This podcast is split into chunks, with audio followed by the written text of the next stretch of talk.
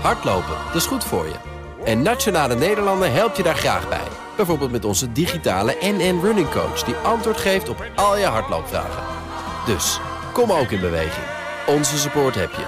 Kijk op nn.nl slash hardlopen. BNR Digitaal wordt mede mogelijk gemaakt door Incentro en SecureLink. SecureLink. Safely enabling business. Nieuwsradio. BNR Digitaal. Herbert Blankenstein. Banken, de Belastingdienst, DigiD. Allemaal hadden ze de afgelopen dagen last van DDoS-aanvallen. Met als gevolg uitval van diensten. Het devies is meestal uitzitten en wachten tot het overgaat. Net als met een griepje. Maar kan je er echt niks tegen doen? Dat bespreken we zo meteen. En we gaan het later ook nog hebben over diensten die helemaal geen servers nodig hebben. Serverless computing. Jawel, en zouden die ook immuun zijn voor DDoS-aanvallen? We gaan het zien. Mijn backup is vandaag Ricky Gevers, de digitale veiligheidsdeskundige bij Redstock Securities. Hij zou hier tenminste zijn. Hij is opgehouden in het verkeer. Wordt spannend of hij voor het einde van de uitzending hier is. Dus beginnen we gewoon, uh, of er niks aan de hand is, met het technieuws uh, met Ivan Verrips. Ivan, Facebook verbiedt nu adverteren voor cryptomunten en ICO's, ja, Initial Coins Offerings. Precies, dat kon wel altijd. Je kon bijvoorbeeld een advertentie op Facebook zetten met daarin... Uh, steek nu je hele pensioen in bitcoins en je wordt gegarandeerd rijk. Dat soort hmm, teksten zie je ja. dus voorbij komen. Maar volgens een blogpost van Facebook is er op dat platform... geen ruimte voor misleiding, scams en bedriegelijke advertenties. En daarom heeft het bedrijf maar gemakkelijk het adverteren... voor alle cryptomunten, ICO's en binaire opties verboden. Waarmee de goeden onder de kwade moeten Waarmee leiden. de goede een beetje onder de kwade leiden. Maar volgens Facebook is het beleid tijdelijk en gaat het bedrijf nu proberen om misleiding en bedrieglijke advertenties te herkennen. Nou ja, ik ben benieuwd wat ze dan gaan doen, want dan moet je eigenlijk van al die advertenties de whitepapers gaan lezen achter die, uh, achter die munten of ja, zo. Dus ja, dat wie eerlijk en aardig is. En is een beetje lastig, lijkt me een hele kluif. En eigenlijk, als je dat consequent wil doen, moet je dat ook met alle andere advertenties gaan doen. Kijken hoe eerlijk ze zijn. Dus ja, uh, heel ingewikkeld. Bedriegers maar heb je overal. Facebook wil dus uiteindelijk niet dat de goede onder de kwaaie leiden, maar dat is nu in ieder geval tijdelijk wel het geval.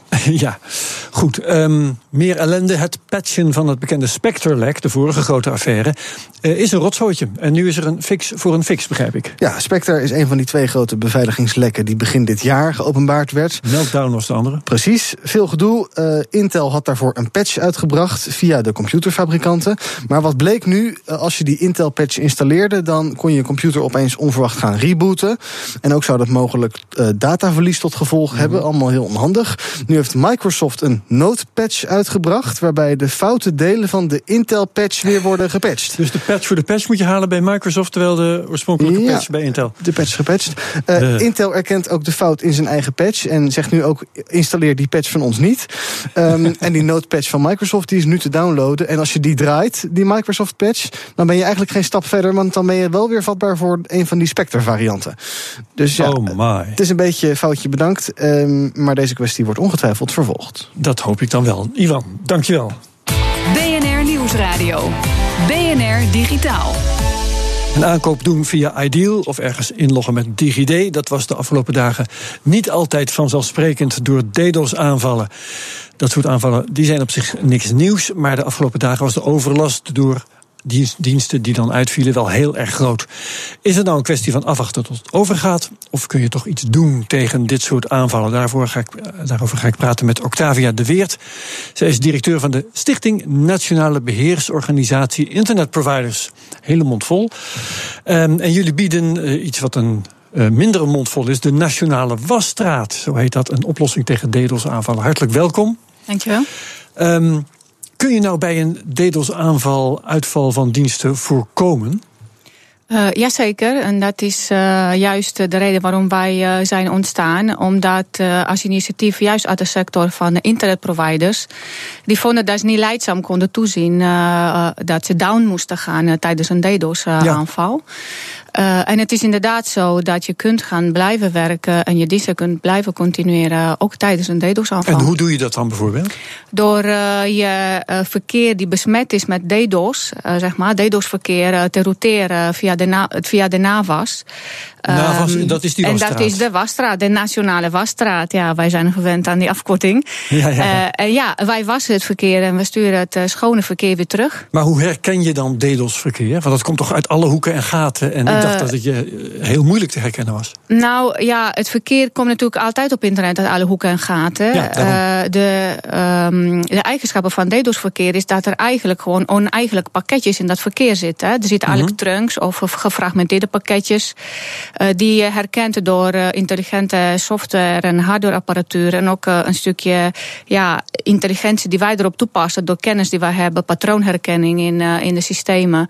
En daardoor kun je op verschillende lagen van, die, eh, van de, de OSI-model, eigenlijk op de eerste, tweede tot en met de zevende laag, kun je eigenlijk eh, oneigenlijke pakketten herkennen, die Ja. eruit filteren en het, eh, de, het echte verkeer terugsturen. Ja, en nou ben je een bank en dan word je eh, in het weekend opeens belaagd door een DDoS-aanval. Is er dan snel even de, de NAWAS, de Nationale Wasstraat, bellen en het komt goed? Of moet je dat al maanden van tevoren eigenlijk voorbereiden? Nou, de ideale situatie is dat je van tevoren voorbereidt. Omdat je dan, eigen, omdat je dan daadwerkelijk een eh, downtime kunt voorkomen. Je moet eigenlijk bedenken, ook bij routeren van verkeer moet er iets gebeuren. De meerderheid van onze deelnemers eh, hebben daar een automatisch systeem voor in de plaats staan. Dat het verkeer die eigenlijk herkent bij de gebruiker, hè, bij de eindgebruiker, dit verkeer is eigenlijk oneigenlijk. Hè, dat is, dat is, eh, dat, is afwijkend verkeer. Dan routeren ze naar de, naar de wasstraat. Eh, en dat en wij mitigeren onder de één minuut. Dat rekenen we eigenlijk als geen downtime, zeg maar. Oké, ja. Eh, dus daarmee continueer je diensten. Kijk, als je al onder aanval staat, dan heb je eigenlijk al een downtime moment. eh, totdat je ziet dat je een aanval hebt en dan handmatig iets moet doen. Ja, maar, op welke termijn kunnen jullie nu, als ik jullie bel, hè, ik word gededost, op welke termijn kunnen jullie dat eh Nou, te niet doen? Wij acteren direct, zeg maar. Ja. We hebben eigenlijk alles in place staan om dat te kunnen. Eh, en vaak is het dan, de tijd gaat eigenlijk meer, eh, de, tijd is, de langere tijd duurt eh, in de infrastructuur van degene die belt. Want daar moet je wijzigingen doen op dat moment. Ja, ja, ja. Dan moet je gereed zijn om te kunnen roteren. We Maar is doen het dat via minuten of is het BGP. uren dat daarmee heen gaat? Wat ons betreft kan het minuten, maar eh, ja, de ervaring leert wel. ook invloed ja, dat- want weet je, in een complexe infrastructuur moet je aanpassen doen op een, op een router, op een firewall. Ja. dat doe je ook niet zomaar. Hè. Dat, mensen zijn er huiverig voor, dat begrijpen we ook wel. Daarom pleiten we juist, sluit aan van tevoren, zodat je, eh, klaar, wij klaarstaan voor je. Wij staan altijd stand-by. Intussen is Ricky Gevers binnengekomen. Het verkeer op de weg werd ook een beetje gededost, begrijp ik. Ja, dat is letterlijk ongeveer wat er gebeurde hier zo. Eh, heb je het gesprek kunnen volgen tot nu toe? Eh, het begin heb ik gemist, maar de rest heb ik kunnen volgen. Ja, Ja, dus ken jij goed. de Nationale Wasstraat, NAWAS? Ja, de naam ken ik in ieder geval, ja. ja. Ervaring mee? Nee, geen ervaring verder mee. Nee. Oké. En eh, wat belangrijk hier is om te begrijpen is dat het begrip DDoS is iets wat steeds groter wordt en ook steeds groter zal worden. En het is niet zo dat op het moment dat je geDDoS dat je gewoon pertinent down bent. Het meest vervelende aan een DDoS-aanval is dat het vooral in het begin effectief is. Maar naarmate het langer duurt, kan je er ook beter tegen wapenen. Dus het is vooral een instrument wat je eventjes tijdelijk kort kan inzetten, maar wat niet eeuwig werkt. Ja. Zo Ja, ja. kort Hoe, te hoe omschrijven. bedoel je dat, Ricky? Eh, eeuwig werkt? Nou, in principe als je zeg maar, nu zo'n aanval uitvoert... dan kunnen jullie daarvan leren, jullie zien hoe dat werkt... en dan kunnen jullie de, de, de maatregelen treffen... en dan stopt het op dat moment. En dan ben je enigszins gewapend om dat eh, in de toekomst te laten voorkomen. Dus het is vooral effectief als ik hem nu aanzet... dan heeft dat eh, waarschijnlijk behoorlijk effect op dat moment. Maar al heel snel zal je zien dat de, ba- de banken goed kunnen zien wat er aan de hand is... en zich daartegen kunnen wapenen, zodat het minder effectief wordt. In Ja, geval. dat, dat ligt er een beetje aan aan, de, aan, aan het type aanval eh, waarschijnlijk. Eh, want het is natuurlijk wel gebleken dat dat toch ingewikkeld is hè, de afgelopen dagen. Het is niet even een kwartiertje of een uurtje of twee uurtjes leren en dan kan ik het weer. Daarvoor moet je echt gespecialiseerd zijn. Hè. Dat is eigenlijk wat wij doen. En daarom pleiten we ook voor meer aansluitingen. Onder andere. Uh, we hebben nog meer reden voor om daarvoor te pleiten. Maar we zien, uh, het gaat niet altijd over heel veel verkeer die je dan, waar je maar iets mee kan doen. Het gaat over de complexiteit ervan. En hoe leer je dan van zo'n verkeer? En wij hebben ook wel eens in het verleden uh, aanvallen gezien die vijf, uh, vijf dagen duurden. Zeg Ja. maar. Ja, Maar wat mij vooral opvalt um, afgelopen weekend, uh, dat banken en zo blijkbaar niet bij jullie aangesloten zijn. Of wel? Uh, nou, wij hebben, wij doen, uh, wij hebben één policy, wij doen geen mededelingen over onze deelnemers. Ah, maar uh, in ieder geval deze banken waarover gesproken die zijn niet bij ons aangesloten. Nee. Um, Waarom niet? Enig, enig inzicht daarin? Nou, ik denk gewoon wel dat de banken uh, goede oplossingen hebben. Tenminste, ik ga er echt wel vanuit dat al deze banken over wie het gaat wel iets hebben daarvoor. -hmm. hè. Er zijn ook veel partijen die uh, oplossing hebben. Je kunt on-premises iets doen. Maar die was hè. dan blijkbaar onvoldoende. Nou, ik denk dat het een, uh, toch een beetje een kat-en-muisspel is. En ook in de tijd waarin we leven, um, ja, de aanvallers worden slimmer, de, de oplossingen moeten slimmer worden. En uh, onze voordeel is, is dat wij zijn gespecialiseerd in, in DDoS. Hè. Wij doen alleen maar dat. En ik kan me ja. voorstellen, een bank heeft veel meer. Uh, veel meer specialisme waar die zich dan moet, in thuis moet maken. Ik dacht dat, dat DDoS eigenlijk een, uh, nogal een domme krachtaanval was. Ja. Namelijk stuur heel veel verkeer ja. naar één punt. Ja. Hoe kan dat geavanceerd zijn? Door wat wij zien bijvoorbeeld, door uh, dat je, kijk, je hebt typisch een, een, een paar soorten aanvallen. Bijvoorbeeld een DNS, hè, gewoon op, dat op DNS-niveau dat gebeurt, of SMTP eigenlijk, hè, dat daardoor heel veel requests worden gevraagd. Waar we wel eens zien gebeuren de afgelopen tijd, bijvoorbeeld dat twee van dat soort aanvallen gecombineerd worden in één aanval. En dan ben je eigenlijk met twee type uh, fragmenten tegelijkertijd bezig aan het, aan, aan het filteren. Ja, dat wordt het wel steeds moeilijker. We hebben tot, uh, in extreme gevallen, tot 13 soorten aanvallen in één keer gezien, zeg maar. Zo, ja. Tot slot, ja. um, want we zijn alweer aan het eind. Uh, nou heb ik een klein bedrijf en ik ben bang voor een DDoS-aanval. Misschien wordt die wel aangekondigd via een of andere chantagemail. Kan ik ook bij jullie terecht? Uh, ja, dat is ook een beetje een technisch verhaal. Uh, wij sluiten eigenlijk uh, standaard, en we kunnen standaard aansluiten iedereen die een AS-owner is. Hè, en dat zijn per definitie vaak ISP's, grotere ISP's, internetproviders. Ja. De kleinere providers hebben daar wel eens, zijn wel eens afhankelijk van een andere provider voor hun AS-presence. voor hun doen wij wel, want we, onder andere wat we doen. Oh, sorry, AS-presence, wat is ja, dat dan? Een AS-nummer, zeg maar een eigen AS-nummer op internet. Kleine okay. providers hebben dat soms niet, hè, of vaak niet. Um, dus die kunnen niet zomaar zonder meer aansluiten. Wij uh, pleiten wel, uh, wij vragen hun wel, vraag bij eigen provider om aan te sluiten. En wij doen onderzoek ook nog. Uh, en dit jaar proberen we resultaten uit, uit ons onderzoek voor de kleine providers. Hoe kun je aangesloten worden op de NAVAS als je een kleine provider bent? Oké, okay, hartelijk dank. Octavia de Weert van de Stichting Nationale Beheersorganisatie Internetproviders. Amazon geeft de term kantoortuin voor zijn medewerkers een totaal andere betekenis. Er zijn in ieder geval 40.000 plantjes bij betrokken. Hoor je zo. BNR Nieuwsradio. BNR Digitaal. Speelse kantoren, zelf je tijd indelen, gratis lunchen. Niks mis met werken bij een techbedrijf. Amazon speelt dat spelletje aardig mee. Zij openden deze week hun Seattle Spheres. Drie grote glazen koepels met daarin 40.000 planten. Waarin Amazon personeel kan werken en ontspannen. Geekwire nam een kijkje in dit Amazon regenwoud. En redacteur Ivan Verrips bekeek hun verslag. The first thing that strikes you when you walk into the spheres is the four story living wall with plants that were cultivated in a greenhouse outside of Seattle, woven into a fabric mesh that has been hung in the spheres. Creates a dynamic green backdrop for the entire structure. Het ziet er tamelijk overweldigend uit, deze groene oase. Een beetje zoals een botanische tuin. En zo voelt het er ook. At 60% humidity, it feels really warm inside the spheres. If you're just come in off the cold Seattle street. At night, that humidity jumps to 80%. There's misting, there's water features that you can hear, and you're going to want to remove your coat as you walk around. Gelukkig hebben deze bijzondere koepels ook de nodige kantoorclichés. There are meeting spaces throughout. There are small tables along the perimeter and throughout on little paths. There are benches. There's a large conference table where up to 15 or so people could probably gather for a meeting. You can also get, grab a coffee or a small bite to eat. Uh, there's a picnic lunch option that you can grab on the way in. Misschien wel de meest bijzondere overleg- en vergaderlocatie bevindt zich op 17 meter hoogte. There's a meeting space called the Bird's Nest, which is a wooden structure that's at the end of a suspension bridge, if you will. And that nest puts you at the top of Ruby, the 55 foot tall tree that was a statement piece for this project. It was trucked up from California and dropped through the center of one of the spheres. Oh, het idee is trouwens ook dat je nog wat leert in de sfeers. There'll be signs marking different plants and species.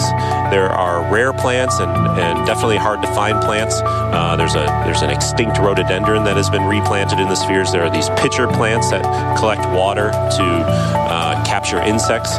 And speaking of insects, they will be introduced to the spheres, and they're good insects that are meant to combat bad insects, such as aphids, because they obviously can't spray pesticides inside the spheres to, to combat that sort of thing.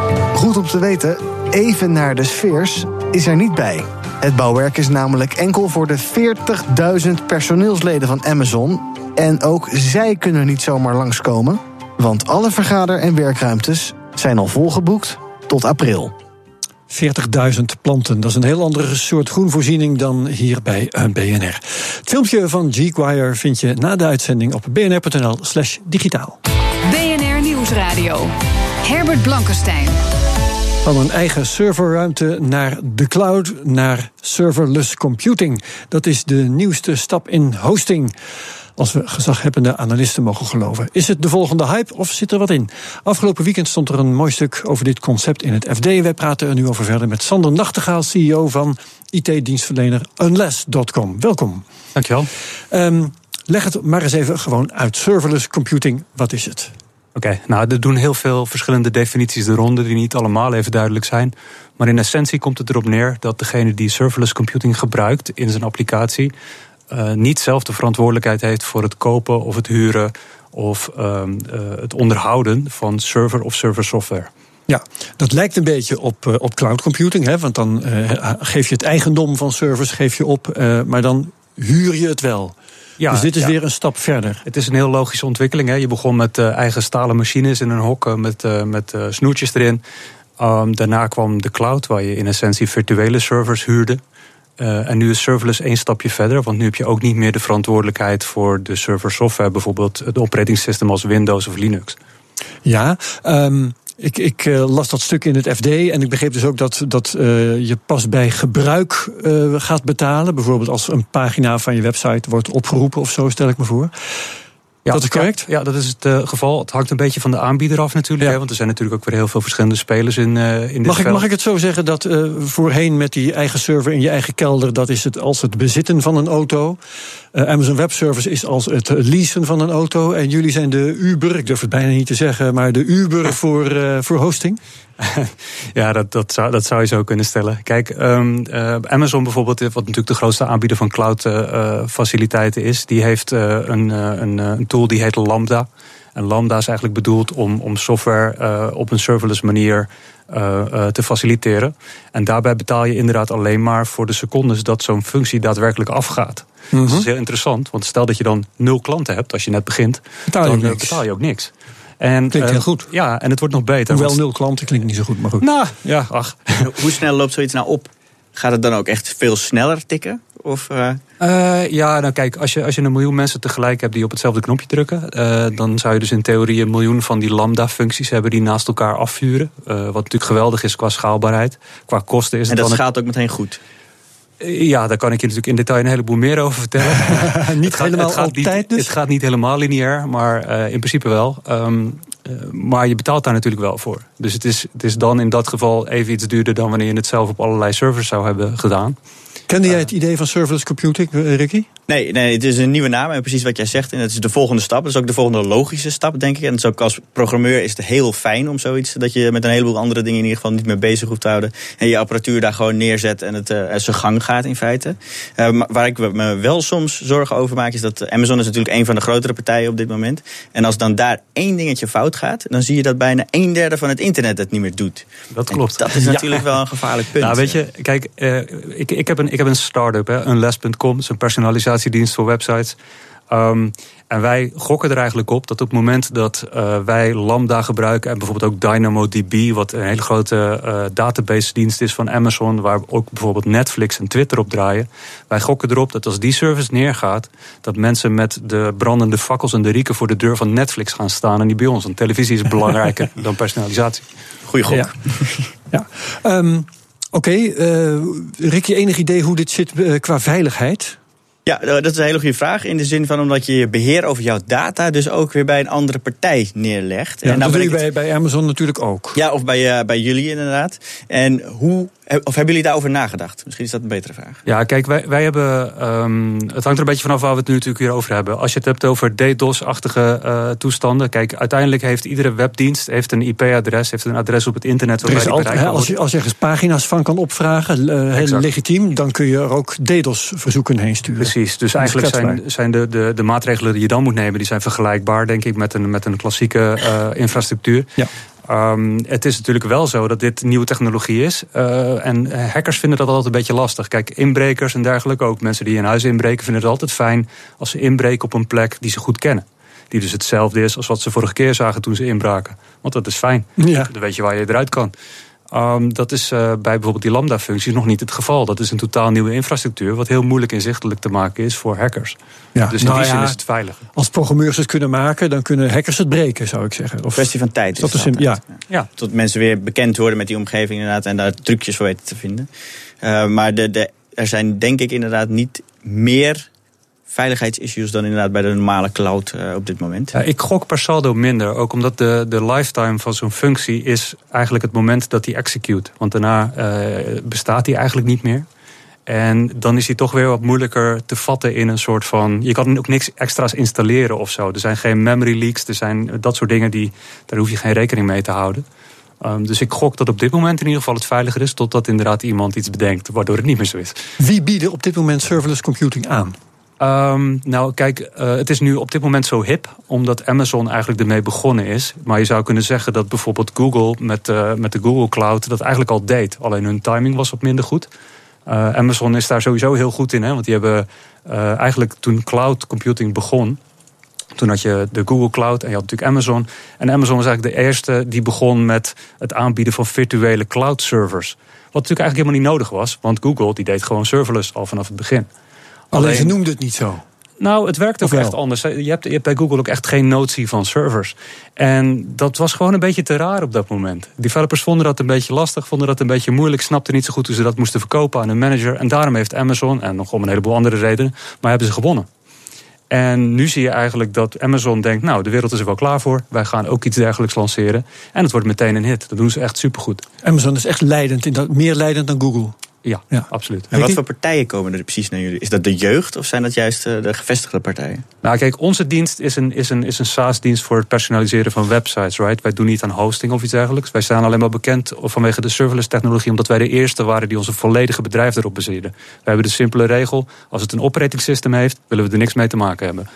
Um, dat gezegd hebbende, ik denk dat de algemene toepassingsvorm van serverless met name is voor bedrijven die eigenlijk al gewoon bestaan, maar die bijvoorbeeld uh, een nieuw uh, proces willen inrichten en daarvoor serverless willen gebruiken. Het is vooral heel handig als je bijvoorbeeld asynchrone processen wil inrichten. Dus als je op de achtergrond iets wil gaan doen, wat normaal gesproken heel veel tijd en service kost, maar wat je nu eigenlijk met de één functie wil gaan doen uh, en per stuk wil kunnen afvuren. En wanneer wordt dit mainstream?